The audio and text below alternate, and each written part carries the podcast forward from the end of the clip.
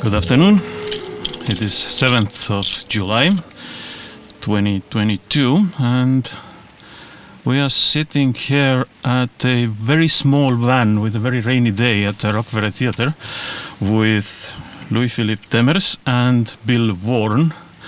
And we're not we are not occupied with the numbers of robots yet but we have gathered here to talk a little bit about them and their work. Uh, it is a little bit tricky because initially the podcast was meant to be airing after the first spectacle had already been. So I'm Andrus Aaslaid and I'm talking with an artist which work I've never seen, which is interesting, uh, probably for both sides. But um, in order to get it going, can you introduce yourself? Well, uh, my name is Bill Vorn. I'm from uh, Montreal, uh, and I'm working with uh, my friend Lou Philippe for 30 years on robotic uh, performances and installations. Yeah, I'm Louis Philippe uh, Demers. So I'm originally from Montreal. I'm living in Asia these days. Um, and with Bill, like we, you know, we meet like uh, probably three, four times a year to perform the uh, robotic performance, uh, you know, in different festivals, like such as this one. So my little Google stalking, and and that that didn't came out of nowhere because Taavet, who's sitting here mixing this whole thing, has been has been telling about you and how cool the first experience was for years now. Uh, so apparently both of you have been dealing with the cyborg stuff uh, way before 2000s. So I think when you started, the Blade Runner was still the most cyborgish thing publicly known or something. So I think my first question is that you've seen it now happening like 25 or more years. Um, how has the perception been changing towards cyborgs? Like, uh, like have you have you had to reevaluate something what to do with the cyborg scene, or or or are people still seeing it pretty much the same as it was after Blade Runner was there? Mm-hmm. well, uh, I, I I think it's quite different now in in the public perception of what it is. I think that for us it hasn't really changed because we no we're not that much influenced by things like Blade Runner or the like the sci-fi of the time or uh, no we pretty much started to do to work with machines and robots in a totally sort of a you know like very uh, improvised approach you know like it it didn't really exist at the time people working with machines on stage so we had to sort of uh, invent everything at the same time. Uh, it's not like there was a school of how to do that uh, so we we had to find our way inside this and uh, make it work as because we're not engineers you know like we we were coming from music and uh, theater lighting and like things that are totally different from uh, engineering. And uh, yeah it's, it's just a question of uh, uh, sort of getting into a totally new medium and inventing it at the same time because we, we what we did is like we we used robotics as a medium. You know, it, it, sort of became our way of expressing ourselves. Okay, but now, now you concern me because you, most people perceive cyborgism as a sort of let's give us a superhuman powers and let's cross the boundaries and let's make us better than God has made us. And your work, as we currently see it, is pretty much putting people in the machine, dehumanizing it, and giving power not to humans but the machines rather. Uh, there's quite a few. I mean, I, I, can come back to this in terms of nuances, but uh, the uh, just to connect with this is the um, the reality of robots and the fiction of it is very very far apart. You know, like the the Blade Runner, whatever that has been pushed forward these days by industries like uh, you know AI robots from Elon Musk and all. They, they, they, this this is fantasy. The reality is actually of robotics is actually right quite dull and boring. You know, like a, a robot that goes into a nuclear station to pick up garbage. You know, like uh, toxic fuels and stuff like this. So that's the reality. So in between, since we're doing performances with people, we're stuck with reality. So we have to bring as much fiction as possible into the reality of the mundane robot. So this is a bit one thing that sparks us is to be able to do we're not doing visual effects we're doing a real effects you know? I put the robot on you you have to deal with it. It's there you know? It's not uh, not something you watch on screen something that happens to you. So if i go to this is like the to think about what is the relation because it's a first and central experience you do it you cannot say like oh it's going to be like this it's going to be uh, i'm to be a superhuman to be it's just a strange sensation. And then you realize very quickly superhuman yeah it's it's there's so many challenges and all these things like you know like the uh, besides the glasses that are really passive and things like this uh, maybe blades on your feet uh, super and it ta- takes a lot of training as well you know to become better with the machine. So it's a it's a very interesting play with this about expectation and what we're able to give in the moment of an hour to uh, to people.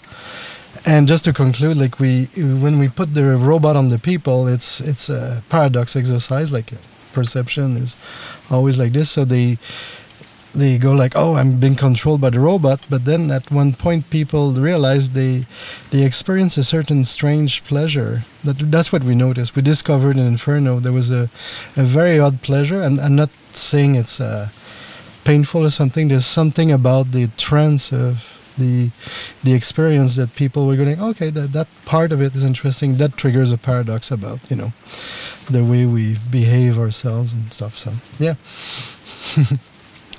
And in in fact, we're not.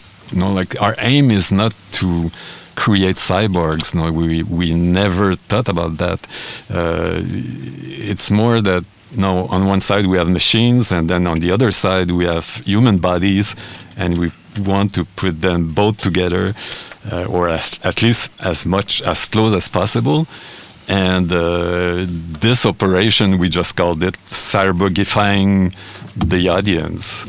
So yes, it ended up being sort of maybe some kind of cyborg, but it's not in our eyes. It's like people watching it, like sort of, you know, s- s- it, it's sort of very. It's a very romantic image of of machines, like a a human that is a machine, and like a how, how it can uh, sort of. Um, it's it's not that it becomes a superhuman, but it becomes a different human with maybe some more. Uh, well, it's it's an alien in a sense, but at the same time, it's no, it's still a, a different kind of uh, of human, like a, a different kind of. Uh, for for for us, it's it's a way of. Sort of pushing the interactivity, which we uh, always uh, were interested in, uh, to the maximum, because then there's you know the distance between the human and the machine is sort of uh, totally erased Mhm. in the middle. Of course, it allows us to do things like controlling the viewers, uh, but we kind of learned by experience that know, there was some kind of uh, enjoyment of uh, being controlled, which is kind of interesting to uh, discover. and uh, after romant romanticizing it like that saying that people get pleasure and that it's all on the purpose of giving the different experience you casually call your art piece inferno and compare it in the description as 10 gates of hell. So uh, what's the connection? What is with you two and the hell? I mean, uh, without without maybe um, I'd say because people are trying to not say too much about the the piece itself because there's a whole process of this discovery because you know if we but the idea is more a frame of mind. Uh, I create an image. So if I tell you it's going to be about this, then you start with this in your brain, and then I frame your perception of the object or the experience. So we're more playing at that level uh, somewhere. Of course, there's some inspiration about, let's say, some rituals and some, you know, it's structured in a similar way. But you know, of course, it's. Uh, it's not hell and it's uh, but you know hell is you know doing the same thing on and on you know so that's that's a bit uh, the idea of, uh, of of the whole point. So like you know the, the ultimate piece is like we will start the, the robots uh, make you dance and we will leave and we'll leave you there for months and then, then you're in hell because you know, at one point you wanted to stop but there's no end to it. So that is more the concept of you know these uh, the invented concept of these things. So this is more to basically we did this uh, with a lot of other works as well. We use just a an expression, you know, it's a mixture between try to get something catchy happening and get something that you know you frame people and then the you you will see when the performance starts like people are in the frame of mind of inferno quote unquote and they people are quite nervous because they don't know what's going to happen. Mm. so that that's the fun part of it because it's not scripted. We say okay here's you wear the robot and you say what do we do? I say well you'll see.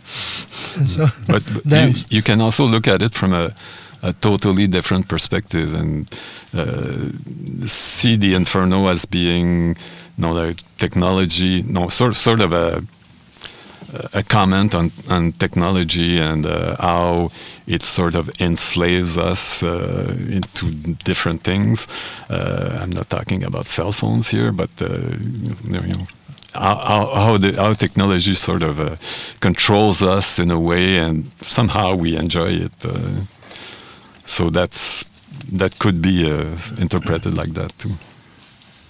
Which sort of brings us to the theatrical and artistic aspect of it because um, well there is this thing called like participatory theater where you where you take people i don't know somehow attack them directly on the on the audience and some will like it some are terribly afraid and take always the last row that it wouldn't happen. You're taking it almost like a one step further. You are having a participant participatory theater and then you dehumanize them almost you put them inside a machine and take all the control of how does that work in a sense that does it liberate people that they don't feel as as much responsible or, or vice versa having an additional layer of anxiety on top of that I, I think I think it goes in all the directions. I think some people are will go and say like no, it's it's too uh, you know I feel too enslaved. But a lot of people like uh, uh, as soon as they get into the groove, let's say maybe after maybe one song or something, they they perform and for the others, for the audience. You know, that that's the only thing we tell them. It's like remember you're performing in front of people, so don't stand like this and you know try to you know uh, make make a, a show for the others. But at the same time, usually people go with friends and all together, so you kind of like have these smaller pockets of relation with people, and they, they kind of exchange. Uh, all these things, I think, I think we didn't really plan ahead. We, we just, you know, the, the basic idea is to say, okay, like we uh, we do a lot of interaction artwork or or we did a lot of interaction performance on the stage but it, the audience sees something from far you know like there's been a lot of people doing things with robots on the stage but you see it, it's it's a ter- it's a you know it's an external eye but to make the experience and to feel it yourself you know, to see somebody on the stage with an exoskeleton or doing it yourself is very different. So try to make the first end getting, as Bill said before, as close as possible. So this changed the whole um, perspective about how they they uh, approach the um, let's say the the moment of the performance. But in terms of participation, it's um, you know like a lot of you know like theater that you know back in the 80s and stuff like you know like we enjoying like seeing uh, many of these uh, quite like hardcore you know like they didn't trap you in cages and do all kinds of stuff. So i mean it's not along the same line. I think the idea is to make something that uh, because basically when we make the robot move the end result is is uh, all it becomes an hybrid of the movement from the person because we only control the the the arms of the person. We don't control the whole body, so they still have to dance and and move around. So they they they input a lot into the performance as well. So to in the visual landscape and and so forth. So this we have no control over it. You know, they, some nights some people will be more stiff, some will be more crazy. It, it, it's always different. It's like you know going to uh, you know. A, a party or a disco. So you a, and that was the idea as well to the participation. We didn't want to have, let's say, professional dancers, because then it becomes too scripted, too narrative. So the whole point was just like, okay, here's a here's a strange ritual, a modern ritual of you know things we can do like uh, every Saturday night with machinery, and here you go, go for it and see what happens. Uh, since we are already touching the subject there, I didn't know how much do you actually want crowd to know before the event what's going to happen or not. So, so how much do you want them to know, and how much what's what's going to happen to them, and how much is it like? Uh, okay, I signed up with a strange show where there's a robot on the uh, robots on the on the stage.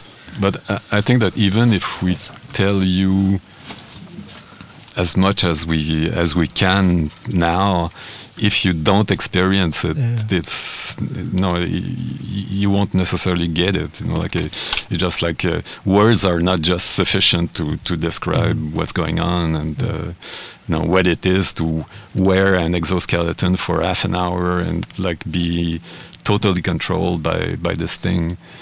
It's, so yeah. no, it, it's it's an experience. Mm. There's certainly an experience people don't like to describe because there is a whole, a lot, whole little eyewitness accounts of what they, what they have experienced. But, but, they like to describe it after. Like yeah. uh, a lot of people come to us to talk about what they just uh, felt. Uh. Mm -hmm.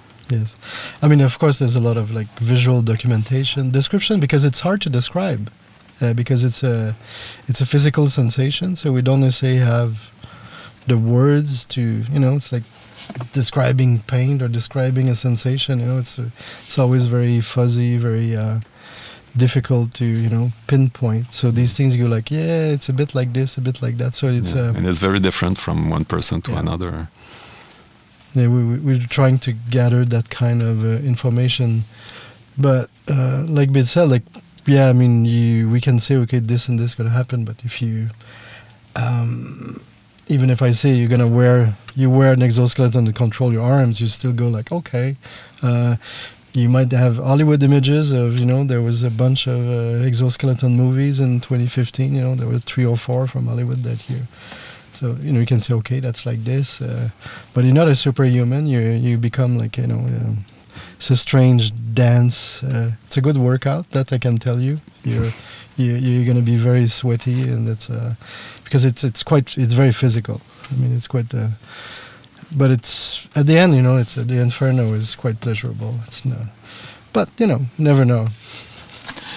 so uh, the let's dig a little bit into the science behind it mm-hmm. because you have also framed all this as a artistic research and and and, and actually interaction research mm-hmm. vehicle. So let's put people inside an exoskeletons, control their movements, and uh, and see what happens. So, in uh, many ways, it's like it's almost like a reverse anthropo anthropomorphism that mm -hmm. you will be putting a robots, but then you put a human inside, but then you dehumanize it, mm -hmm. and mm-hmm. then you take off the free will. Yet you want the audience to sympathize with uh, with, mm -hmm. with them. And so, so what do you measure? What is the what is the goal there to to actually get the data from, and and uh, and where is where is where is it going? Is there mm. are you are you experimenting also with how pleasurable movements you can have for the people, or?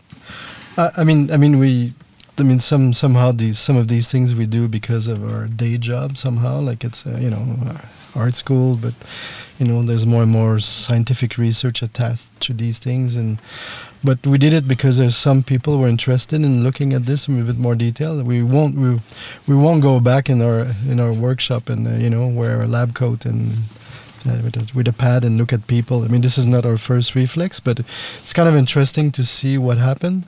For instance, the way the way people describe movement, we're quite intrigued because we try to, if we understand better what works well or not, then it, you know we, we can take it back into you know when we when we develop, let's say, further exoskeleton, further per- participative performance, and we get a bit better feeling about what could happen. Uh, and let's say, for instance, uh, one thing that we measured, uh, because you don't, we don't have have a specific goal, like to say okay, but we try to realize a, a few things. So, like one thing, for instance, which is quite ob- obvious for many of us, is like when you have things with uh, rhythm and music, it's easier to understand and work with the exoskeleton.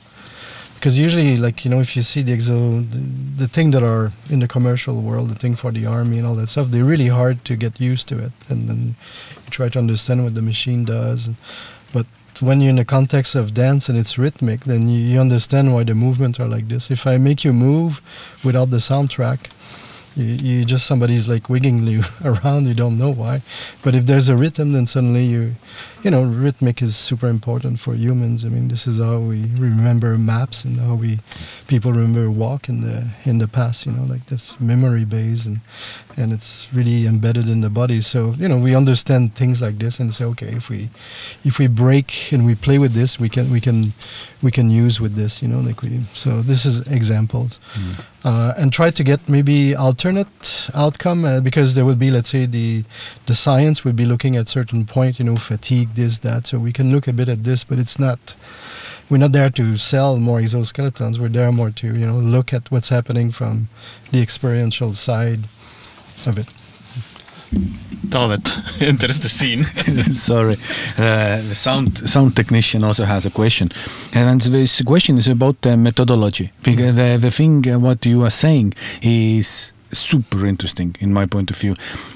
You're saying that uh, based on your research, you found that people, or let's let's say like military, uh, a military field where the army could be trained to wear to wear exoskeletons by dancing, by choreography. kind of yeah if you want That's to a push it. brilliant, brilliant solution. Yeah. Like, what is the? But that, that, that, that's what they do when they do their little parades and with their trucks and all their missiles. You know, Yeah. it's a it's a little dance. It's a bit uh, different one, but that we do. But how how did you come to this conclusion? I mean, like methodo- methodology. Uh, we we did the let's say in this case we had like a section of Inferno, and we did the the control thing was to to have it like in a show context exactly what people experience. There was one without lights, without anything in the studio. Uh, there was one with a bit of with the music, and there was one that you were trained.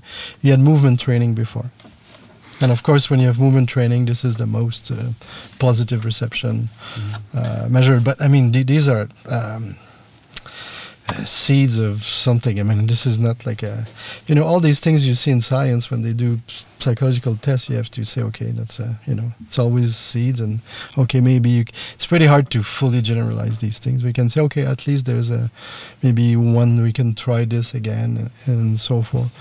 I think, and you know, we're looking at the fatigue and things like this, but this is or the most interesting part for us is to as well was on on my side is to perception of the movement because when they speak to each other they go like oh there was this part and I was doing this. And go no no no I was doing this and they they try to and they, and they all ask us is like yeah we're not doing the same thing. I said no you're all doing the same thing. It's just because your body is not in the same position that you don't see it. And they go oh okay. And it's it's, uh, it's very in- interesting the uh, uh, every performer of its own perception of, of what happened in terms of you know uh, the the ensemble, for instance. Which brings us to the topic of adaptation and the free will in a many ways. so um, you are effectively you are liberating people from their free will and like, expect it to be having a certain kind of claustrophobia going on there or what feedback do you get from from people who have experienced it is it like um, something that okay I'm now liberated and I can now dance with the machine and I don't have to worry what I do or how I do it, or is it contrary that that uh, that you feel that you've been manipulated and and, and, and you are taken away from your own body in a, in, in a way? Second. yeah there, there's uh, so many uh, different uh, sort of points of views and uh, you know for like people in, in general they enjoyed it. Uh, they enjoyed the experience uh, but um, you know like uh, it's more if, i don't know like uh, how to answer this question. Like uh, it, it's not um, Have people gone crazy and you had to liberate somebody from the suit in the middle of the no, performance? no no Well, I mean, it- crazy not, but but there are people who will go like maybe it's too painful, maybe it's uh, maybe it's not for them. They then they, they can they can they can you can stop anytime. But not know? from the sheer fear but you, that you- you know there, there, there are people who try to resist Yeah. and that doesn't work very Yeah. well Yeah. because you know like there's no point of, of doing that so the idea is really to let yourself go as much as possible. And then you will start enjoying it. And, and some people like told us they were getting into some kind of trance or you know like there's some kind of uh, altered state or Mhm. so that's interesting.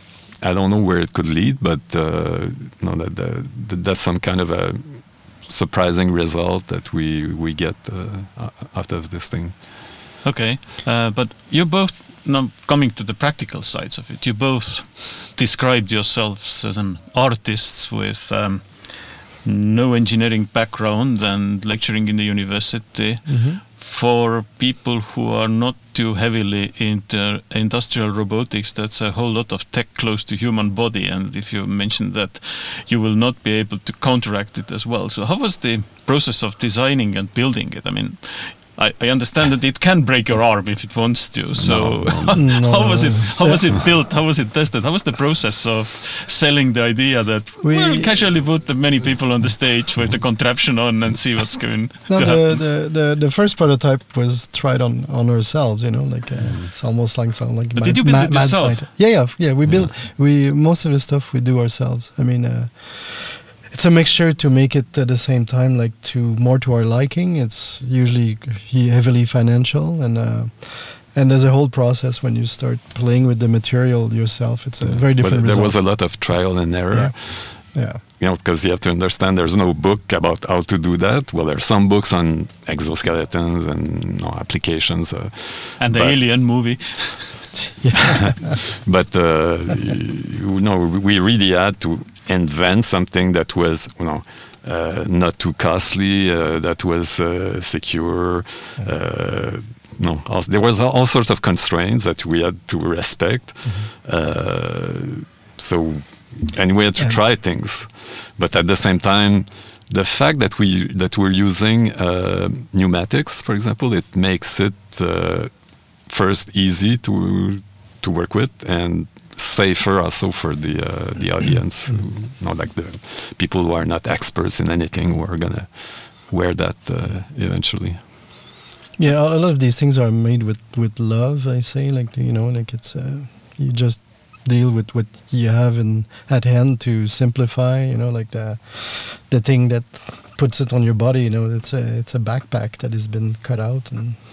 And we put the robot in the back, and even the thing that holds your arm, or you know, like the uh, the the football pad protection, but you don't see it. So there's like a lot of recycling parts like this because they, you know, if you buy the real thing, uh, the costs are way way too expensive. So it's, uh, but we did try these things on ourselves for let's say quite a long time until we get to a point where you go, okay, then we can start making uh, copies of the same, and and it's good enough for you know multi-purpose and and and so forth. And it it won't it cannot break your arm. It cannot you can probably you know uh, have a little scratch and things like this but you know that depends on you. Like uh, we warned uh, we we there, there's a briefing with the participant at the beginning about security not, not to get too close to the next person because you never know the next move of the robot things like this you know there, there's a minimum amount and and, uh, and we never had any issue uh, so far in terms of uh, you know um, injuries. Yeah, yeah, exactly. So that's uh, Everybody's tapping something in the studio Yeah, just yeah. to let you know the strange noises. yeah, that, that that's the. Uh, but yeah, yeah. I mean, it's it's not too bad. I mean, it's. Uh, How long did it take to get the first prototype? And did you really manufacture all the skeletons yourselves, or Yeah. Yes. Uh, I think uh, let's say if we put the back to back, maybe coming to the first prototype that we can mass produce, maybe it's four months full time. Mm. Because the thing is, we were living in different countries, so we'll come and work for a month, go back, work another month, and then when it comes to the production, th- this can go quite fast. Uh, some parts are mass produced because you know uh, there's a lot of holes and things to, but it's only a sub part. The rest, you know, we in the workshop, you know, drilling holes, and we have, I mean, of course, some helpers to you know assemble parts, but yeah, it's all done with uh, you know from the cable to uh, putting. It's, it's it's all done in the house, Yeah. all of it. Yeah, the, the the beginning is the most uh, stressful part because you know you have you have nothing done yet. You know, it's sort of the white page uh, syndrome, and uh, so you have to take a lot of decisions where you're going and. But then after once uh, you know you've done a few prototypes, and then we did also did a, a short uh, test with four volunteers and in a small room. So it was like a mini uh, inferno. focus group. Yeah. Yeah. And then from there, when uh, everything went fine, we Yeah. just like went for the like Yeah. the, the whole set of 24. Mhm. And we we never the the the opening night. Uh, we never tried with because the bigger version is a 24 person at the same time. We never tried it because there's no way we can get 24 volunteers to try it out, and it was too complicated. So we only did a few subgroups and. We just went, okay, we'll see, we'll see how it goes. so that was quite scary. I mean, it's the first time we did something that go like you have no idea of the uh, the actual outcome. I mean, some part you get a educated guess, but the rest I was okay. It's like things happen. It's a little odd that you sit here in the van behind the Rakvere Theatre and not being scouted or employed meanwhile by DARPA or, or because you probably have the largest collection of the exoskeleton in the world in your possession and considering current times they could be Yeah. quite useful for some purposes. Well, maybe maybe. Well, I think for for a serious application, that's that wouldn't work very well. but you know how to make humans in it, which is. but they, is they, they could be like uh, dancing army dancing people like Yeah. they, they start to to break uh, in movement uh, yes but at the same time yeah we're, we're not telling uh, like we're, we're secret uh, service that you're no. also Boston Dynamics, yes. Well, but I mean, the, the, the because again, you know, like if you just compare it, we're talking about sci- science fiction and fantasy. You know, like Boston Dynamics is, first of all, highly scripted. Uh, what you see in the ads is, you know, like uh, little snippets. I mean, they, it's uh, it's not happening just like that. Uh, so beware. There's a lot of video editing. and and they're, they're, they're, uh, it's, it's really impressive that's for sure but at the same time you have to think that you know how many people for one robot are following the robot like you know it's it's a huge undertaking. And, and you know they're still far from like the first version of boston dynamic for instance the biggest problem is energy. It takes too much fuel. It's a bit like you know army they it's a strange thing. You, you have to carry all your petrol with you all the time. So the logistic is so these things were consuming too much energy. They, they were useless, the first version, because of energy. So like bottom line, these things you can have something crazy, but you know, so the the and you know, little grain of salt in a big complex system is you witness this all the time. Yeah. So, but yeah, we we we have a lot of machines like that are lying around, so we can do probably a very odd uh, circus with people and a very odd theme park that that, that we could do. Uh, but in theory, you could take a human out of equation if you want to. You can put it on a mannequin and just having it dancing all the same, or, or what? How how how relevant or irrelevant humans have become from the technical perspective of the of the. In a, in, in Inferno, like I mean, the, the, the, if you don't have the human, the, the the piece is not very interesting. I mean, you can see the robot moving, but it's uh, it's really missing that kind of uh, permutation and degenerative aspect of the human involved in the loop. I mean, they it's the two together. I think the uh, a robot itself makes something very very different. You know, like you, you see, you know, automatons and things moving in front of you. Bill has just done a piece like this recently, so it's a it's a different. Uh, very different visual experience But we're doing shows for, for humans, like for a human audience, as well. yeah. which is very important. Like even, no, if even if I make a show entirely automatized with machines and robots and whatever, eh, you know, it's still done for or thinking about human watching it. Like it's it's not for just for robots. So I saw the rather long list of different performances that you do have. So are they all related to the same exoskeletons or, or are they different? Oh, they're all different. They, they are, they're all very very different. Yeah, yeah. I mean they uh, it's from everything. Like sometimes it was the robots were made like to complement movement of dancers. Sometimes they were like extensions. Uh, Sometimes exoskeletons. Sometimes they aside more like you know either scenery or characters and yeah, a, a lot of installation we are doing in early stage were really performative. Like they were more like um, you know, an ongoing like theater play, like a robot misery, for instance, and that, that kind of setup. So, so they they they are kind of related. In the new work, we try to you know make variation on the exoskeletons, like to have different kind of things we can put on the body to make people participate in different patterns than just dancing. You know, like making music together, for instance. The robot misery thing. Yeah, that was a while back. yeah. Yeah, well, that's Yeah. this recent uh, robot trying to scoop their own oil back. uh, Oh, yeah, everybody's yes, seen on yes, the yes. TikTok. Um, Yeah. A little bit of the back to the anthropomorphism question and people relating to the robots suffering. So and a little bit of future.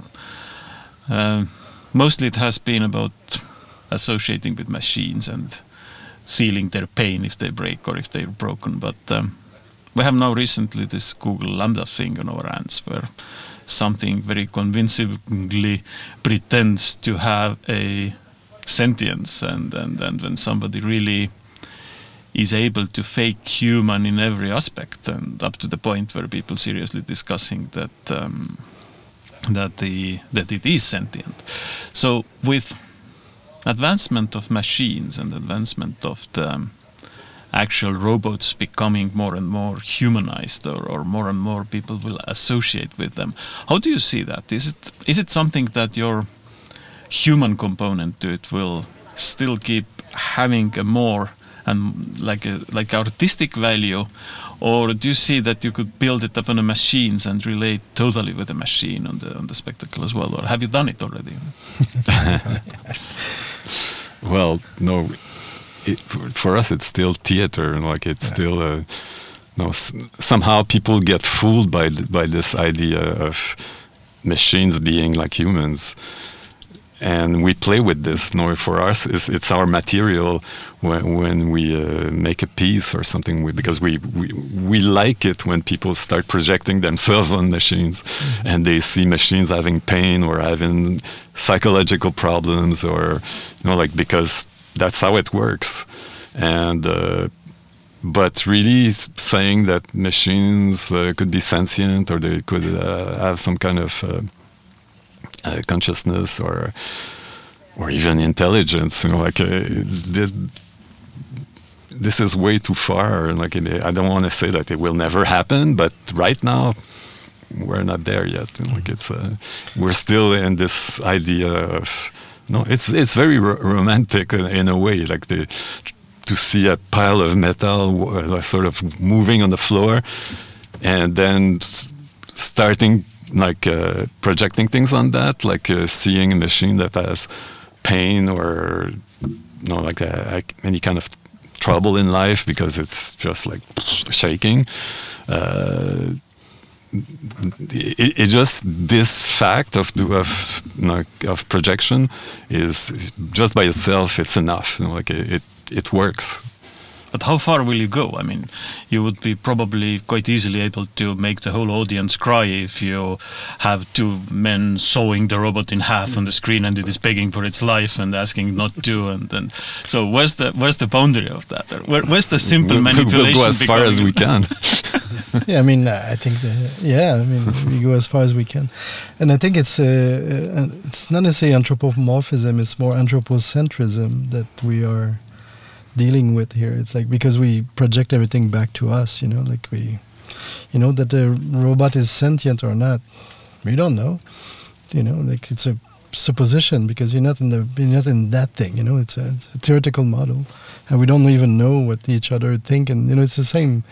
You don't even you don't even know nothing about animals and biological life and the way they, they behave. So these are very similar problem and at the same time if you have an object that totally behaves like us for instance so there's no difference you know? It's interesting that there's a little differences so that you doubt you know? It's uh, going back to Blade Runner that that's the whole point of the movie like you know like uh, or Westworld you know? If there's if there would be carbon copies um, then there's no when there's no difference then okay?